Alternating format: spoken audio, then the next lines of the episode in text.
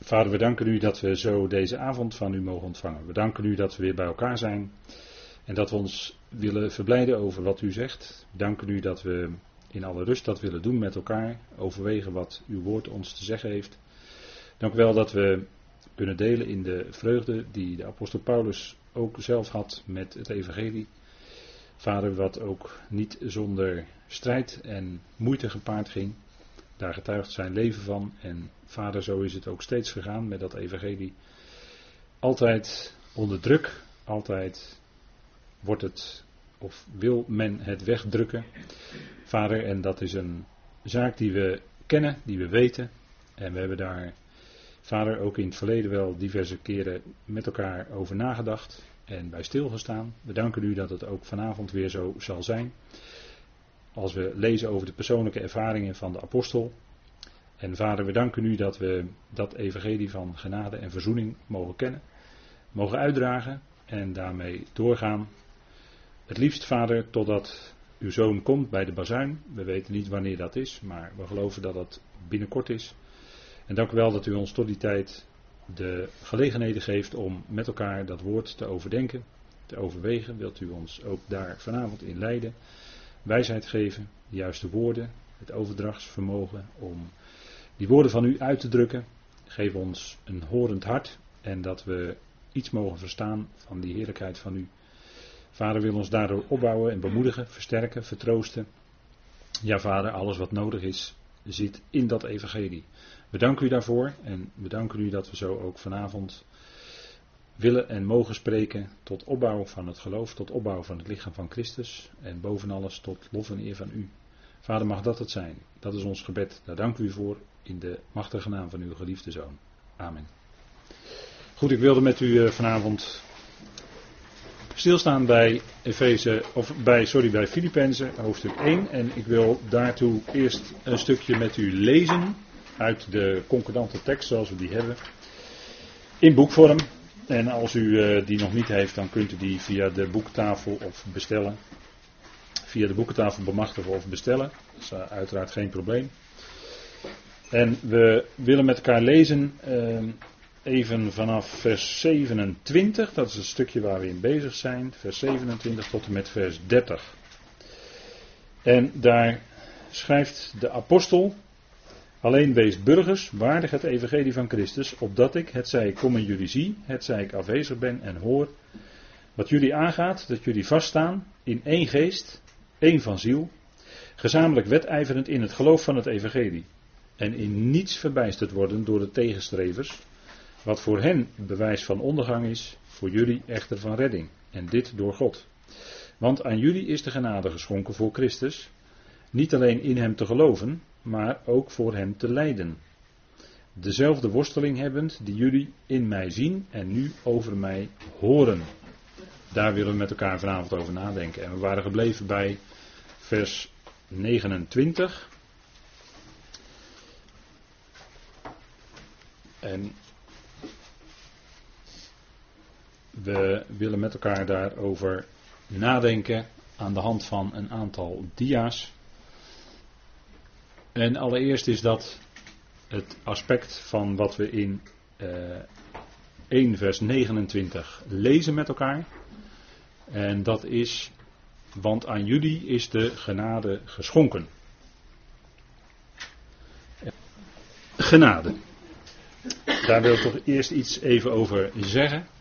En aan jullie is de genade geschonken. Daar zou je aan voorbij lezen, maar dat willen we graag niet doen willen aan ieder woord willen we aandacht geven. Aan jullie is de genade geschonken. En genade is het evangelie. En dat is iets wat onder deze Filippense brief ligt, zou je kunnen zeggen. In deze brief aan de Filippenzen gaat het over het evangelie in de praktijk, om het zo maar te zeggen. Hoe zich dat in de praktijk in dienstbetoon en in vreugde en wandel en dergelijke uitwerkt. Maar daarbij moeten we nooit vergeten wat onder dat dienstbetoon altijd zit en waar dat dienstbetoon mee te maken heeft, dat is het evangelie van de overstromende genade van God. En daarover lezen wij in Romeinen 5. En misschien is het toch goed om dat er nog eens bij te pakken. Romeinen 5, vers 20 en 21. Dat is de grondslag voor dit beheer. Hè. Het wordt in Efeze 3 ook genoemd het beheer van de genade van God. En die genade wordt door Romeinen 5 dan mooi aangegeven. Als daar staat in vers 20, Romeinen 5. Daar staat de wet echter kwam er nog bij, opdat de overtreding zou toenemen. Ziet u, dat was de bedoeling van de wet. De wet kwam erbij. Er was eerst belofte. Gelaten 3 hebben we uitgebreid met elkaar besproken. Eerst was er de belofte aan Abraham. Maar de wet, zegt Paulus, is er nog bij ingekomen.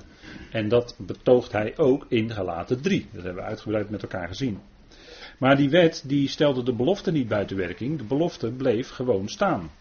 De wet kwam erbij. Maar de belofte bleef staan.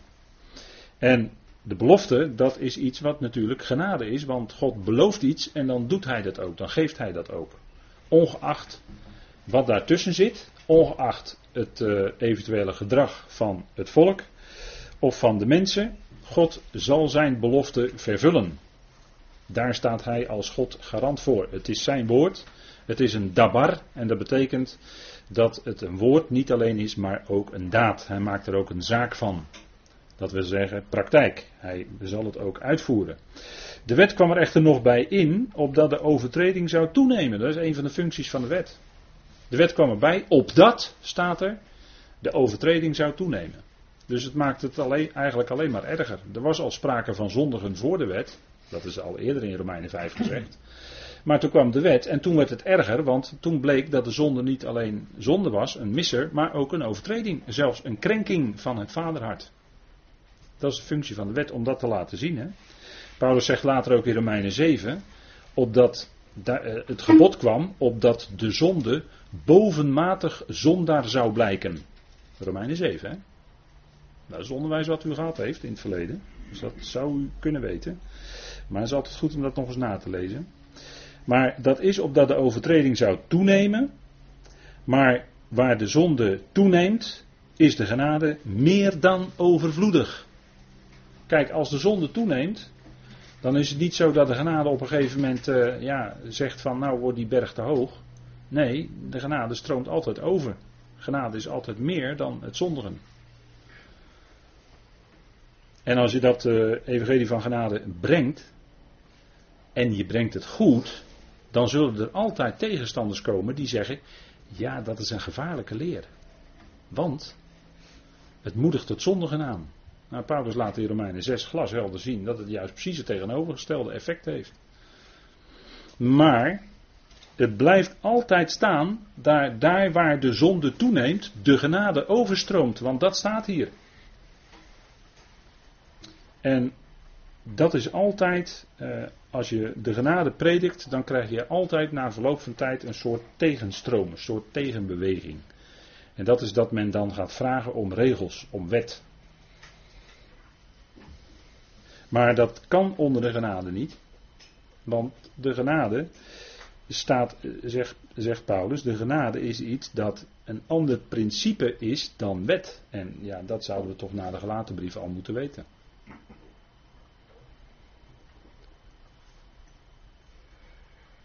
Want achter genade zit liefde.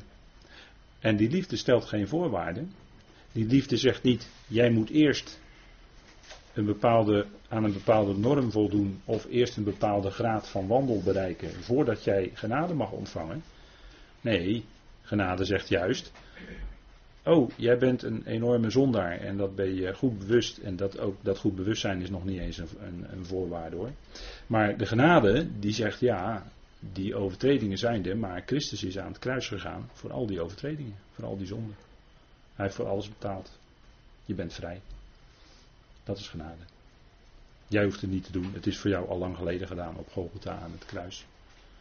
En anders zou u zeggen dat dat offer van Christus onvoldoende was. En dat zou u toch niet graag voor uw rekening willen nemen. Ik in ieder geval niet. maar dat offer was ruim voldoende voor alles en iedereen. Hij heeft de totale zonde van heel de wereld op zich genomen. Alles.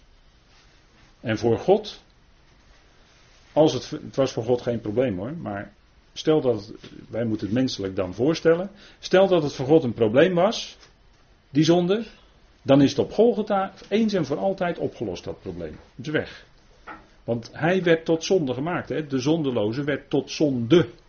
Niet tot zonden, tot zonde werd hij gemaakt. En zo deed God door een zonde de totale zonde weg. Dat we zeggen zonde voor zonde. En dat is nou precies wat het Hebreeuwse woord voor zonde ook zegt. Maar dat refereer ik weer aan dingen die u al eens een keer eerder gehoord heeft. Maar die genade die stroomt dus over, omdat de zonde heeft geheerst, zegt Paulus in vers 21, tot de dood. En zo zou ook de genade heersen door rechtvaardigheid tot in het eonische leven, door Jezus Christus onze Heer. Met andere woorden, de zonde heeft geheerst, maar nu heerst de genade. Dat is de nieuwe regent, dat is de nieuwe regeerder. Genade heerst in deze tijd. Genade zit op de troon. En die duldt geen concurrentie. Het is alleen genade die op de troon zit. Genade heerst in deze tijd. En daar houden we het bij. En daarom kunnen we ook nooit voldoen aan een vraag om allerlei regels, want genade zit op de troon. En anders zouden we weer terugkeren tot de situatie op een of andere manier van wet of van regels. En dat kan niet. Dit vers haalt daar namelijk een streep doorheen, vers 21. Genade stroomt over en genade zit op de troon. De zonde heeft geheerst en we kunnen niet opnieuw de wet op de troon zetten, want die heeft geheerst over het volk Israël. Want dat is wat de wet altijd doet, hè, als die ingesteld wordt, die gaat heersen. Maar genade heerst en daarom zijn wij niet onder wet, maar onder genade. En nou zit ik in Romeinen 6. Maar goed, dan moet u de Bijbelstudie gelaten brief verder op naluisteren.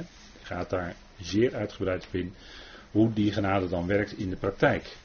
En dan zegt Paulus hier, aan jullie is de genade geschonken. En natuurlijk is het evangelie fantastisch, dat is een en al genade. En als je dan met het evangelie op weg gaat, dan, zoals Paulus, dan komt daar iets bijzonders. En er staat ook hier in dit vers, we gaan even verder met Filippenzen 1 vers 29. Want aan jullie is de genade geschonken voor Christus. En daar lees je, als je Filippenzen 1, als je dit vers leest, dan lees je aan die woorden voorbij. Want je concentreert je dan op het vervolg. Maar er staat hier heel duidelijk voor Christus. En dat is wat wij zijn. Wij zijn gelovigen. En wij zijn, dat wil zeggen, wij zijn door God geroepen. Dat wil zeggen, het feit dat u nu gelovige bent, is uit God. Dat staat in, en dan zegt u ja, ja, dat zeg je nou wel, maar. Goed, we gaan even kijken waar dat staat. In 1 Korinthe 1.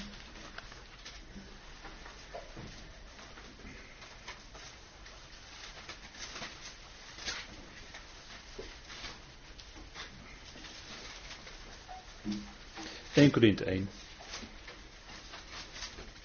En daar kijken we naar de bron. Vers 28. 1 Korinthe 1 vers 28. Het onaanzienlijke van de wereld. En het verachten. Hey, dan zegt u, ja, daar herken ik me wel in. Het onaanzienlijke en het verachten, ja, daar herken ik me ook in. Heeft God uitverkoren en wat niets is, om wat iets is te niet te doen, opdat geen vlees voor hem zou roemen. Oei, oei, oei. Opdat geen vlees zou roemen voor hem. God kiest juist het verachten, het onedele, het wat niet in tel is in de wereld, juist die kiest God uit, omdat degenen die wel in tel zijn, om die te beschamen. Opdat geen vlees zou roemen, want vlees wil namelijk roem hebben. Vlees wil een bepaalde positie hebben. Dat was ook bij die Corinthiërs aan de hand. Er waren groepjes, dat weet u wel, dat heb ik al vaak gezegd. er waren groepjes die elkaar onderling bestreden. En dat is allemaal vlees. Dat is allemaal oude mens. Dat is allemaal de wereld dat is niet de gemeente, dat is de wereld als het zo gaat. En geen vlees zou roemen voor hem, dat we zeggen, zij zetten mensen op de troon. Ik ben van Kefas, ik ben van Paulus, ik ben van Apollos. Dat is roemen in mensen en dat is vlees.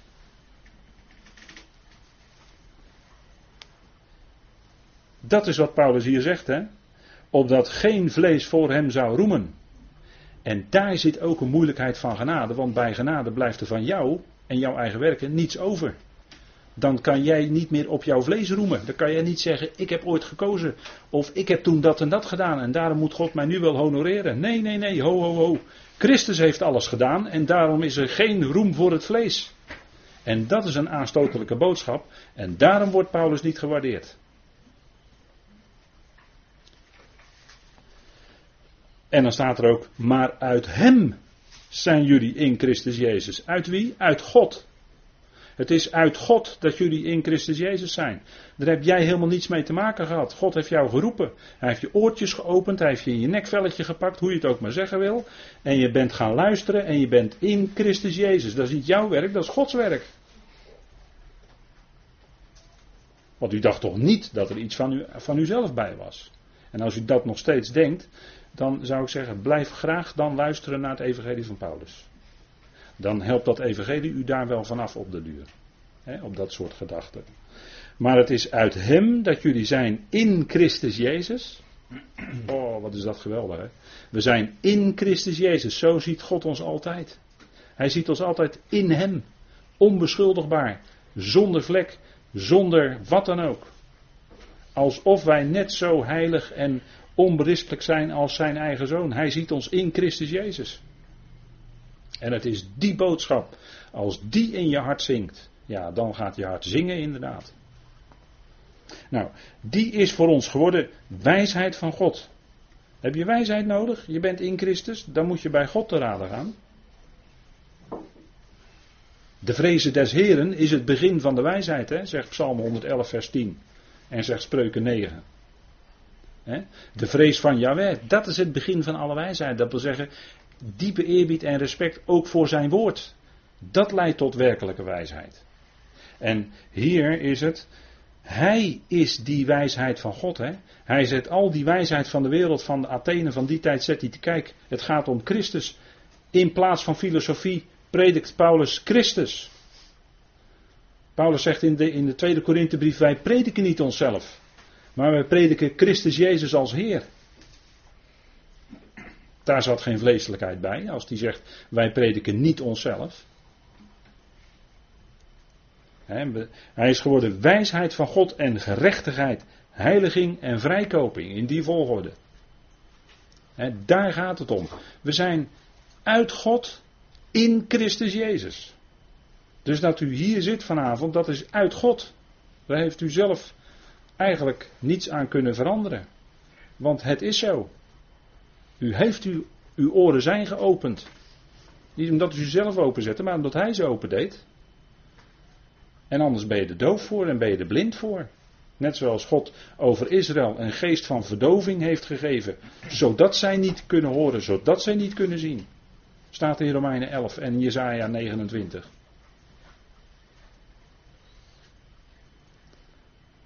En dat, is, dat is Gods werk. En daarom, he, ere wie ere toekomt, goed, dan heeft God alle eer. Ja, inderdaad. Uiteindelijk heeft God alle eer en daar gaat het om. En we zijn dus uit God, en dan heb ik hier op dia gezet, tezamen met Christus. Hè. We zijn nu al tezamen met Christus, geestelijk gezien. Gezamenlijk met Christus. Hè. Dat is het Griekse woordje sun, dat duidt op een hele nauwe verbinding, een hele nauwe verwantschap, gemeenschap. En dan is daarvan het resultaat dat wij ook leven voor Christus.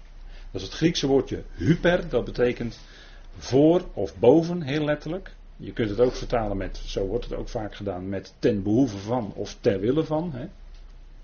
Het is voor Christus. En wij zouden ons bewust zijn dat wij leden zijn van Christus. En we gaan vanavond naar dat lijden toe, inderdaad, want dat zit in de tekst. En als wij leden zijn van Christus, hè, onze lichamen zijn leden van Christus, zegt 1 Korinthe 6. Als dat zo is, hem overkwam lijden, dan overkomt ook ons lijden. Ook daar kunnen wij ons niet aan onttrekken. En dat is, dat is moeilijk voor ons als mens. maar het is dienen voor Christus. En het dienen voor Christus in het Evangelie zal op den duur onherroepelijk leiden tot lijden. Twee keer leiden. Het eerste was met de EI en het laatste met de lange ei. Dat dienen voor Christus, dat zal op den duur in je leven iets opleveren van beide. Dat je niet begrepen wordt door je eigen familie, door je vrienden en kennissen, door je collega's op je werk, weet ik het. Het evangelie, ja, het wordt allemaal niet gewaardeerd. Het wordt je niet in dank afgenomen. Je kan er in, in je familie ruzie om krijgen en verwijdering. Gebeurt allemaal, is allemaal gebeurd. Er zijn genoeg mensen die daarvan kunnen getuigen. Dat is een stuk lijden, als je niet begrepen wordt. De heer Jezus werd door zijn eigen broers niet begrepen. Dat is ook een stuk lijden. Hij werd door zijn volk niet begrepen. Hij wordt vaak door zijn discipelen niet begrepen. Nee, omdat hij de weg ging die de vader voor hem had uitgestippeld. En zijn aangezicht stond richting Jeruzalem. Die, die weg moest hij op. Uiteindelijk richting het kruis. En dat werd door velen niet begrepen. En dat is, dat is bij de apostel Paulus was natuurlijk precies hetzelfde. Dus voor Christus, hè? Voor Christus. We leven voor Christus. En dat is wat we ook met de tekst van vanavond goed moeten beseffen. Hè? En er staat, want aan jullie is de genade geschonken voor Christus, niet alleen in hem te geloven. En er staat letterlijk naar binnen hem te geloven. En dat is eigenlijk het resultaat van die werkende genade in ons leven. Want het feit dat wij geloof hebben, dat wij kunnen zeggen van nou, kijk dat woord dat is geweldig. Hè? Kijk dat woord elke keer als het open gaat, dan vind ik dat geweldig. Kan ik weer luisteren en dat, daar geniet ik van. Dat u daarvan geniet en dat u dat gelooft, dat is genade. Dat God dat in uw leven gegeven heeft. Dat is zijn geest die in u werkt. Zonder die geest zou u niet kunnen geloven. Zonder die geest zou u niet kunnen genieten van het evangelie. Dan zou je zeggen, joh, dat is allemaal kwats. Of, of misschien zeggen mensen, hoor je wel eens zeggen, joh, ik begrijp er helemaal niks van. Ik heb een preek gehoord vanochtend, maar ik begrijp er echt helemaal niks van. Ja, dat kan. Dat kan. Dan denk ik, wat triest.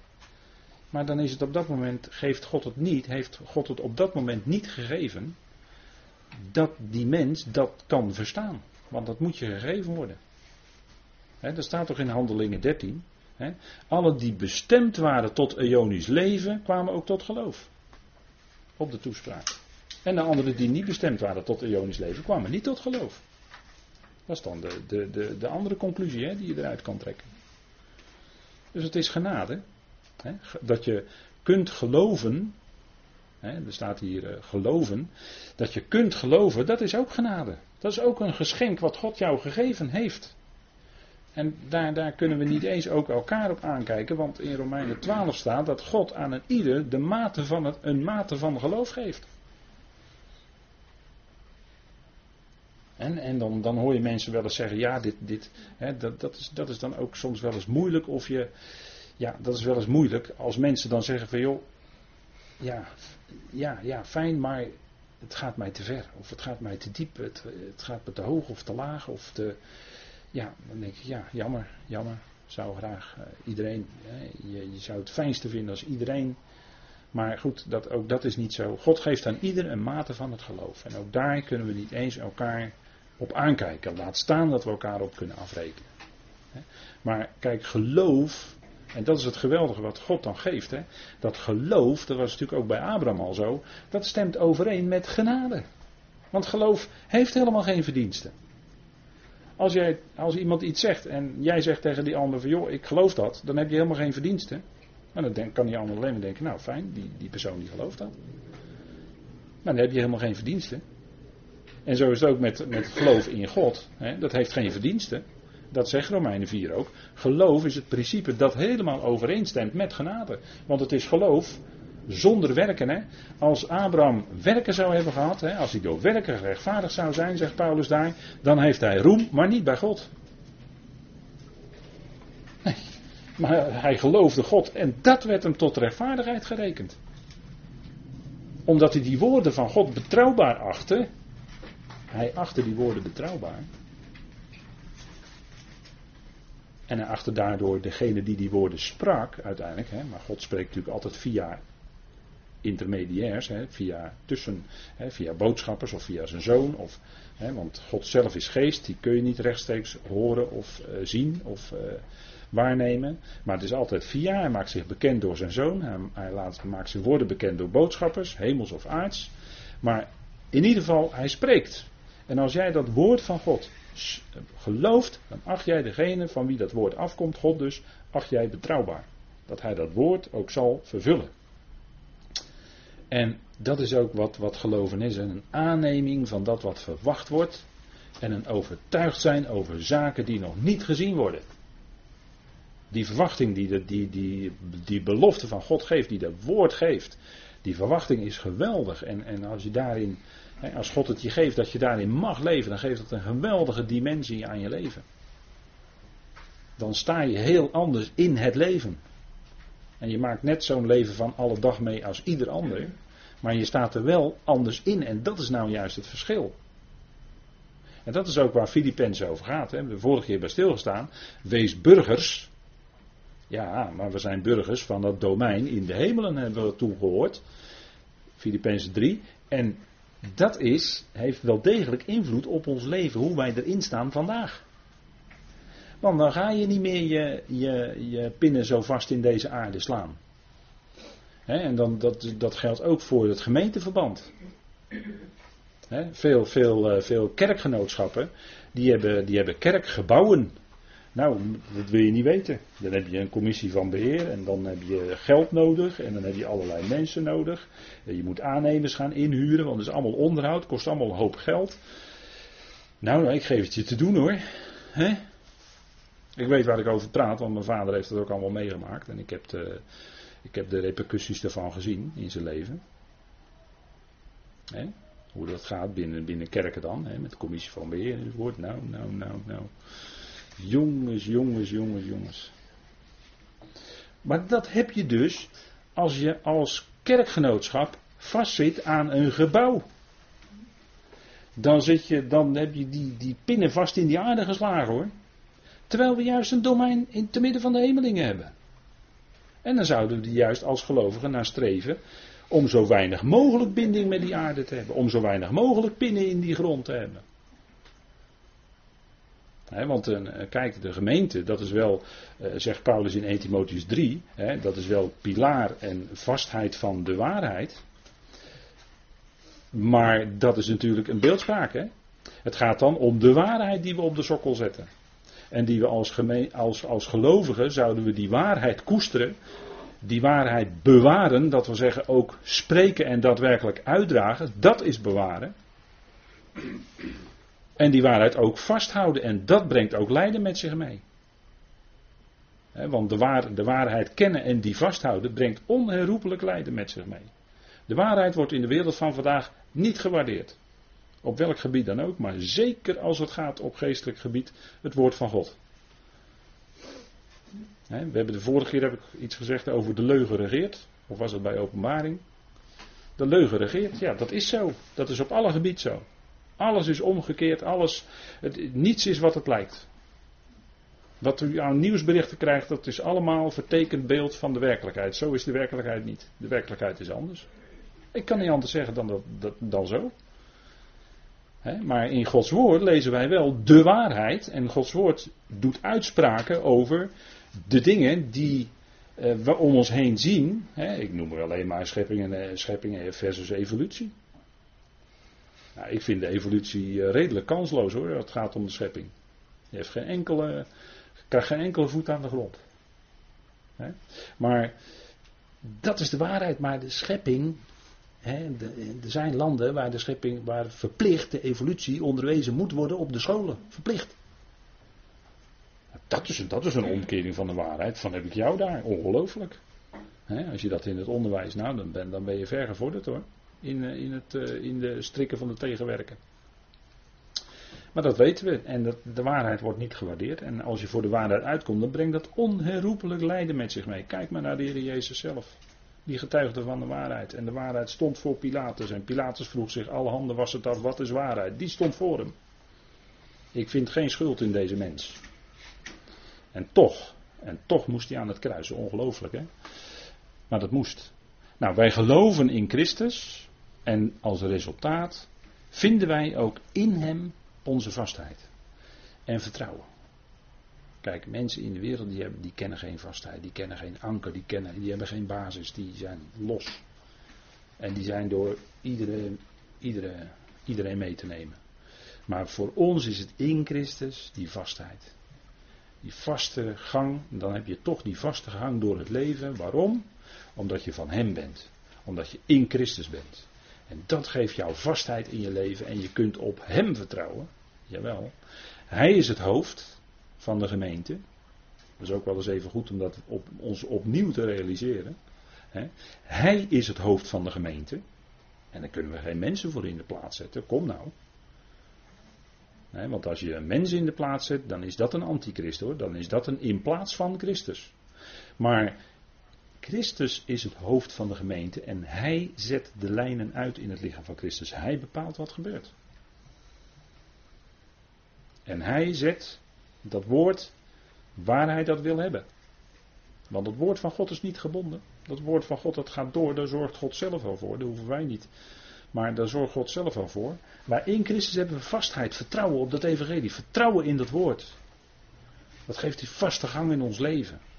Die doelgerichtheid die de Heer, Jezus ook had. Hè. Zijn aangezicht stond als naar Jeruzalem. Hè. Vastgericht op Jeruzalem. Daar moest hij heen. En zo hebben we ook in Hem die vastheid, dat vertrouwen. We komen bij Hem uit. En in ons dagelijks leven gaan we aan Zijn hand. En, en daar kunnen we vol op vertrouwen. He? Waar ga je in je leven vol voor? Nou, ik ga er vol voor om met Christus die weg te gaan. In vertrouwen. En je kunt op Hem vertrouwen hoor. Hij zal dat vertrouwen nooit beschamen. Degene die gelooft zal niet te schande worden. Jezaja 28. Degene die gelooft, die wordt niet beschaamd. Ik ben niet te beschamen aangaande het evangelie, zegt Paulus in Romeinen 1. Dat is ook zo. Dat stelt je niet beschaamd. Dat, dat geeft je vertrouwen, dat geeft je rust in je leven. En dan staat er ook in vers 29. Aan jullie is de genade geschonken voor Christus niet alleen in hem te geloven, maar ook voor hem te lijden. En dan heb je opnieuw dat voor, hè? Voor Christus en hier is het voor hem. Opnieuw datzelfde voorzetsel voor. Te lijden, hè, staat hier in de infinitief. Voor hem te lijden. En daar is, dat is een punt, hè? Dat is een punt.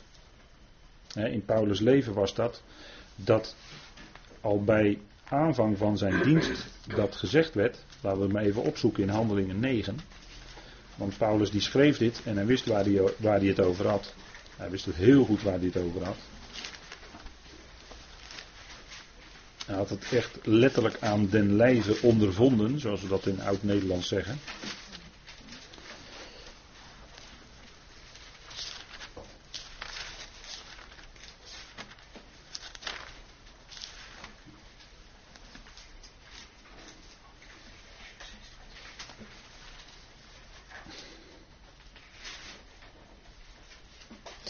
Weet u wel, het bekende stukje moet Ananias naar uh, Saulus van Tarsus gaan. Dat wilde hij eigenlijk niet. Hè. Hij sput het een beetje tegen. Dat doen wij ook wel eens bij de Heer. Hè. Sputten we een beetje tegen.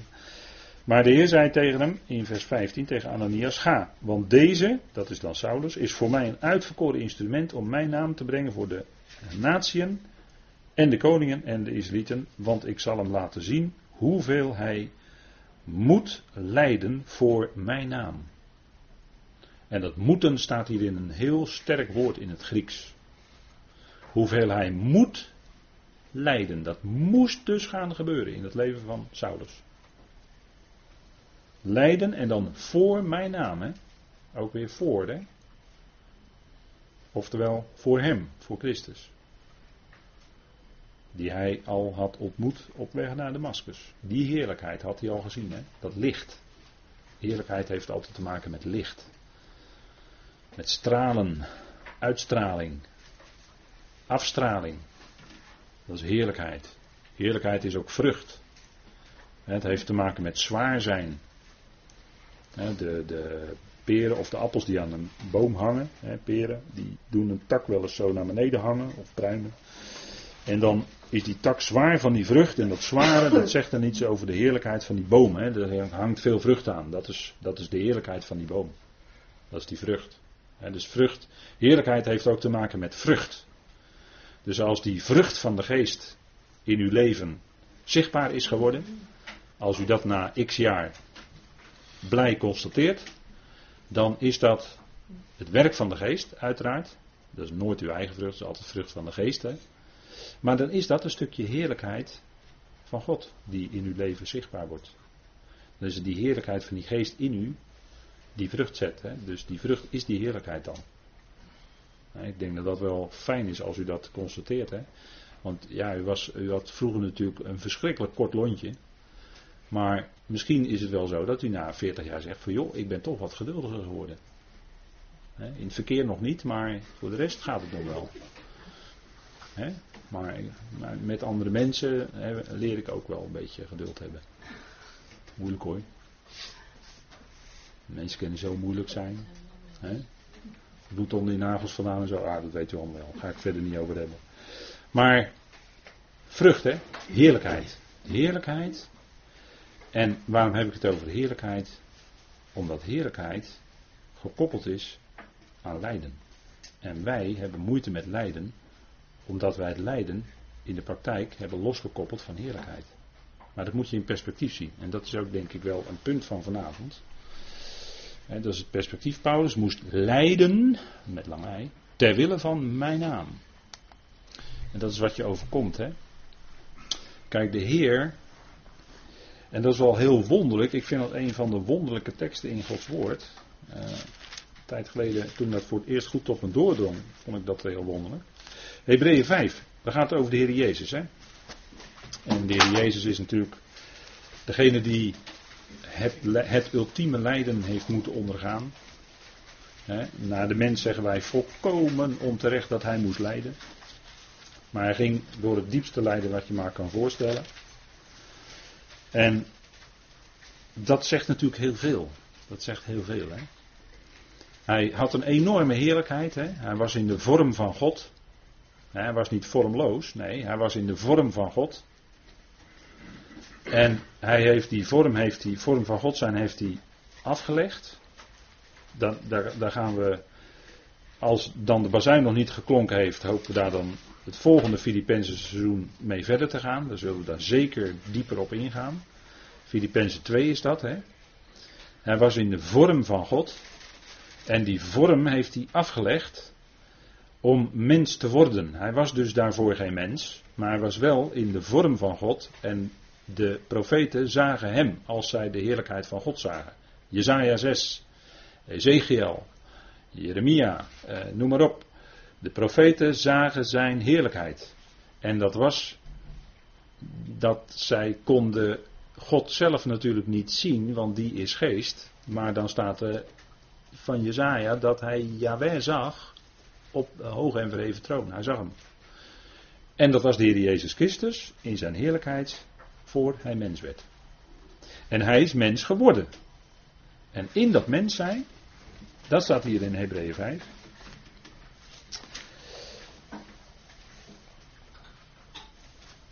Vers 7, Hebreeën 5, vers 7. In de dagen van zijn vlees heeft hij met luid geroep en onder tranen gebeden.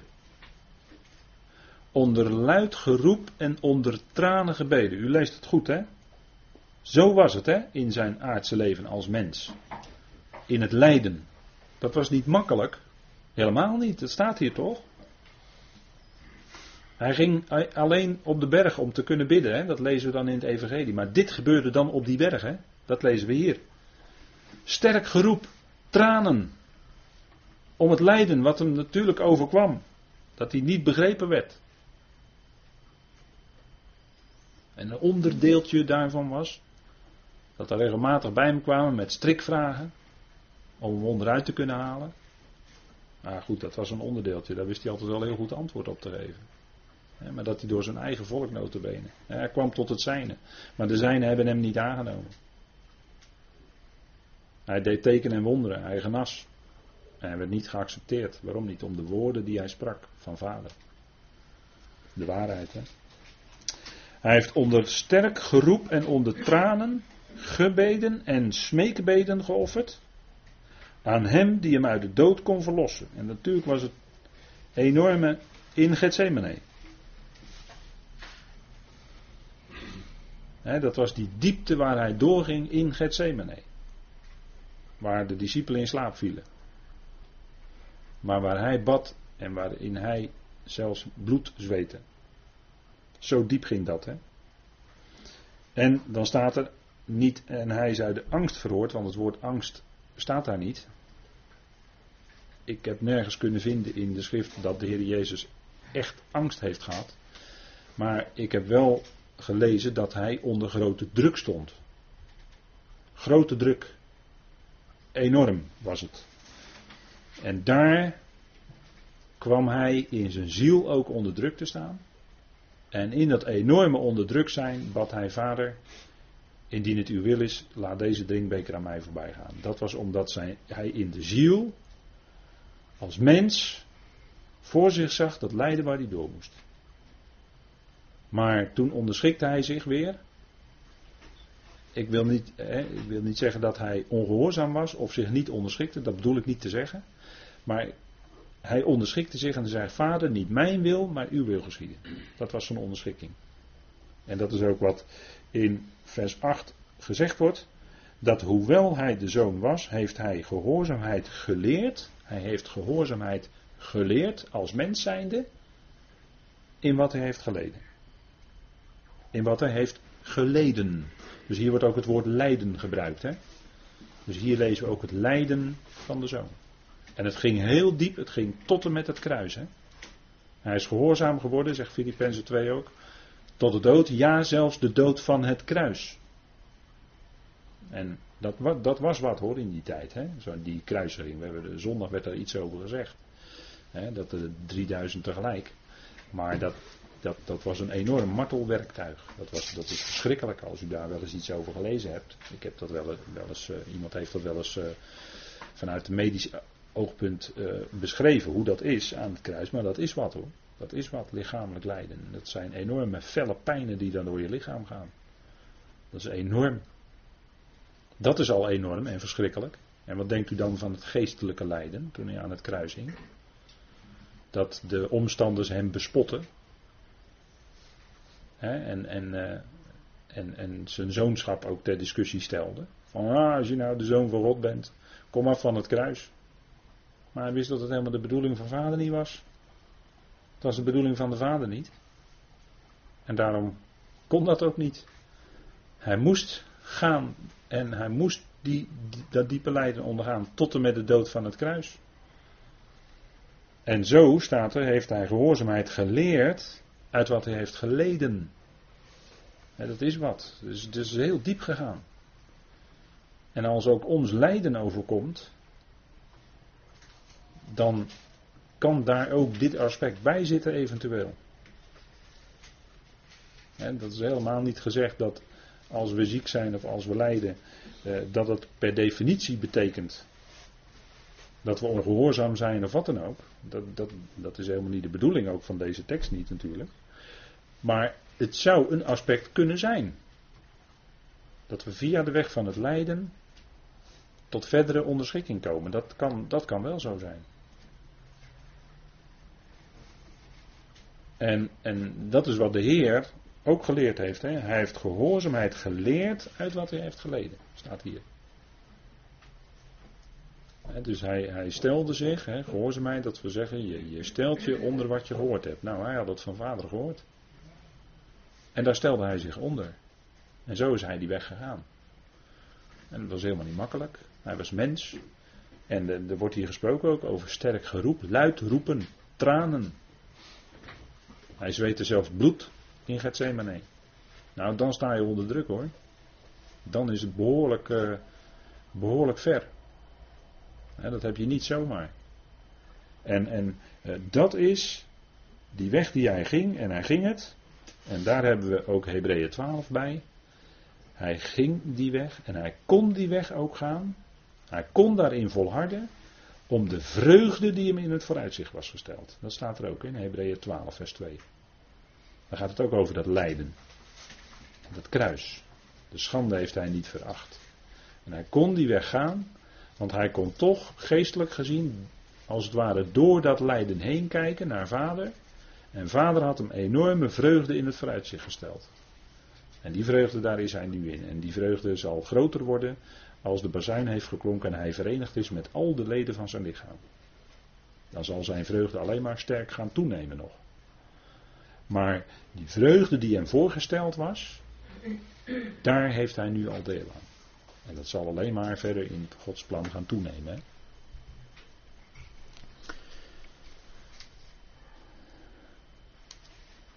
Kijk, we, wij zijn deel van de schepping. Dat is een ander aspect, of van een andere kant belicht, net zoals u het noemen wil. Bij de Heer was duidelijk de weg die vader met hem ging. En daar zat het belangrijkste aspect daarin was het geestelijke lijden. Nou, we lezen daar ook, we lezen iets over lijden in Romeinen 8. Hè? Romeinen 8. Want de weg die wij als gelovigen gaan, het is heel fijn als we mogen geloven en het geeft echt een zo andere en geweldige dimensie aan ons leven. Het maakt je leven zo anders en het verandert je kijk op alle dingen. Maar niettemin maken wij deel uit van de schepping en ondergaan wij ook hetzelfde lijden, lichamelijk lijden, als andere mensen. daar kunnen wij niet aan ontkomen. En dat staat in Romeinen 8, hè? en dat is die diepe overtuiging. In Romeinen 8, en er staat, want ik ben ervan overtuigd dat het lijden van de tegenwoordige tijd niet opweegt tegen de heerlijkheid die aan ons geopenbaard zal worden. Kijk, hier koppelt Paulus dat lijden aan die heerlijkheid. Hè? Dus dat lijden kun je ook niet loszien van die heerlijkheid. Dat, die, dingen hebben met, die twee hebben met elkaar te maken. Het is, eh, we zeggen dat met enige regelmaat. Dat we gaan door lijden. En dat is onvermijdelijk. We gaan door lijden heen. Maar we komen wel uit bij heerlijkheid. Die heerlijkheid die is gegarandeerd. God zelf staat daar garant voor. Die heeft het beloofd. En als God het beloofd heeft, nou reken maar dat, van yes dat het ook zo zal zijn. En zolang die heerlijkheid er nog niet is, nou dan zijn we nog niet aan het eind gekomen. En zolang heel die schepping nog niet deelt in die heerlijkheid, zolang er nog mensen in de tweede dood zijn, bijvoorbeeld, om maar iets te noemen, dan zijn we nog niet aan het eindpunt. Dan zijn we nog niet in de volle heerlijkheid die God beloofd heeft. Want hij heeft beloofd dat hij eens alles in alles zal zijn. Dat is de ultieme heerlijkheid. Dat is waar God naartoe op weg is. Dat is aangezegd, hè? 1 Korinthe 15, vers 28. Het is aangezegd, God zal zijn, alles in allen. Zolang we daar nog niet zijn, ja, dan is die heerlijkheid ook nog niet volkomen. Maar God zal niet rusten voordat hij dat einddoel bereikt heeft. Hij heeft het gezegd en dan gaat het ook gebeuren. Het kan duizend jaar duren, het kan nog tienduizend jaar duren, het kan voor mij part nog twintigduizend jaar duren. Maar het zal een keer gaan gebeuren dat hij alles in al is. Absoluut. Dat is absolute waarheid. Dat is de waarheid. Dat zal eens gaan gebeuren. En kijk, die heerlijkheid die komt en die heerlijkheid die is zo onvoorstelbaar groot. Paulus die vergelijkt dat op, op een andere plaats met elkaar en daar gaan we ook nog vanavond naartoe. maar hij, hij, gebruikt hier ook, eh, gebruikt hier dat, in de vertaling althans wordt het woord opwegen gebruikt, te, of waarderen er wordt een vergelijking gemaakt. Het lijden van de tegenwoordige tijd weegt niet op of is niet te waarderen tegen de heerlijkheid die aan ons geopenbaard zal worden. En niet alleen aan ons, maar aan heel de schepping. Maar allereerst aan ons, hè? Want wij zijn de eersten die daar deel van mogen uitmaken. Wat een enorme genade dat we leden van het lichaam van Christus zijn. Dat is niet dat wij beter zijn dan de rest. Wel nee, we waren juist minder dan de rest. Dat is juist het wonder. We waren de laagste, want Israël stond op een hogere plaats dan de natie. Nou, wij zijn uit de natie, dus wij waren bij de laagste. En God verheft ons in het lichaam van Christus tot een hogere positie. Nou, dat is uh, genade in optima forma, zou ik zeggen. En dat is, die heerlijkheid is dat die leden van het lichaam als eersten naar Christus deel zullen hebben aan die heerlijkheid. Ongelooflijk, hè? En dat is wat gaat komen. Hè? De schepping zucht want dat staat in vers 19, de hele schepping heeft deel aan het lijden. Met rijkhalzend verlangen, weet je wel, dat is dat uitgestrekte hoofd, he, apokaradokia. Immers verwacht de schepping het openbaar worden van de zonen van God. En die zonen van God, daar horen wij bij. Dat is eigenlijk ook onvoorstelbaar, zo'n genade. Zonen van God te zijn, te mogen zijn. Wat een voorrecht.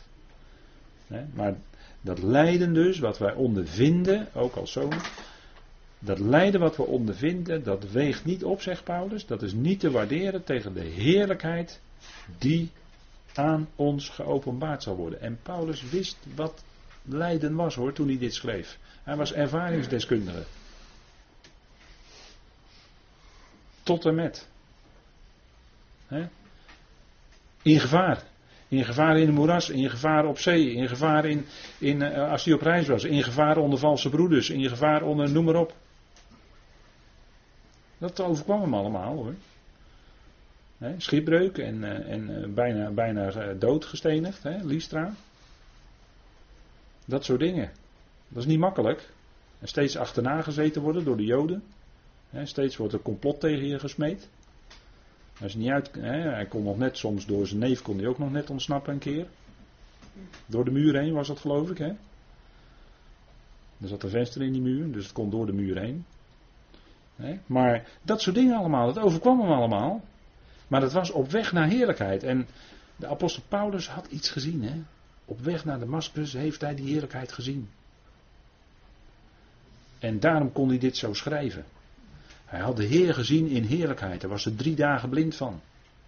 En daarom kon hij zeggen dat daarna al dat lijden wat hem overkwam, hij had die heerlijkheid gezien. En daarom kon hij zeggen dat die heerlijkheid groter is, en eigenlijk veel groter is, dan het lijden wat hem in zijn leven overkwam.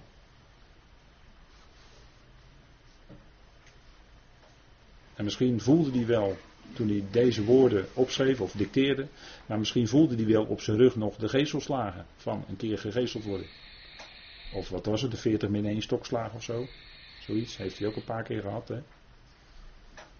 Dat heeft hij allemaal gevoeld. En toch zegt hij, dat lijden wat er is, vooral het geestelijke lijden. Hè? Hij kreeg letterlijk stenen naar zijn hoofd, maar hij kreeg nog veel vaker geestelijk stenen naar zijn hoofd. Dat ze zijn evangelie niet pruimden. Ze moesten hem niet, omdat ze zijn evenredig niet moesten. Dat was vaak aan de hand hoor. Nou, dan krijg je geestelijke stenen naar je hoofd. Dat is lijden hoor. En, en toch zegt hij, kijk, die heerlijkheid die gaat komen, die is veel groter.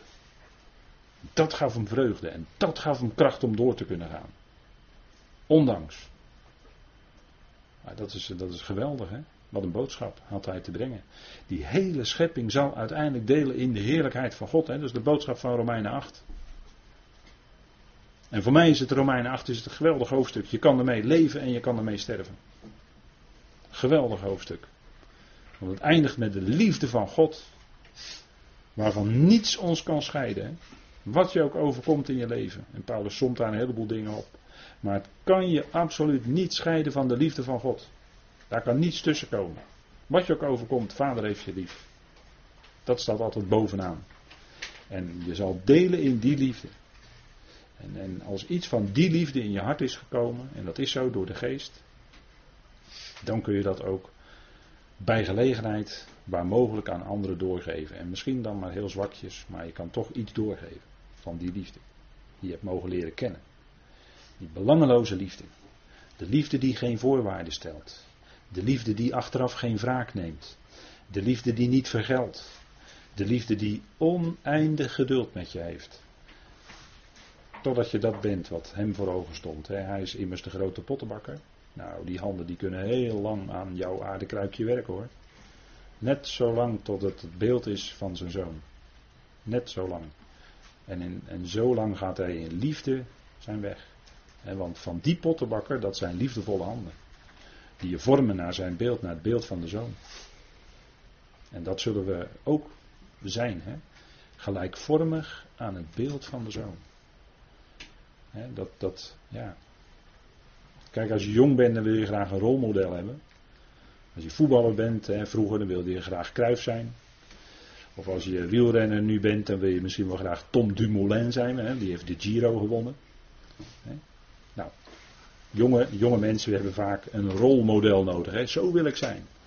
Maar als je gelovig bent geworden, als je gelovig bent geworden, dan wil je gaandeweg eigenlijk meer gaan lijken op de Heer, op Christus. Dan wil je omgevormd worden naar Hem. Zoals Hij is, wil jij ook zijn.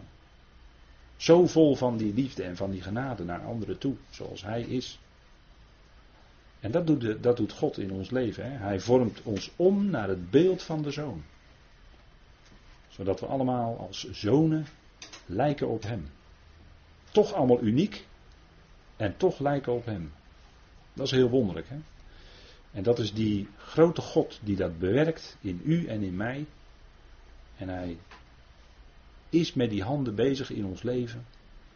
En als er aan ons aardekruikje nog hier en daar een scherp randje zit, dan zal hij dat wel wegwerken. Door allerlei omstandigheden heen, of misschien door moeilijkheden heen, of door, ja, inderdaad, door lijden heen. Maar hij werkt het uit.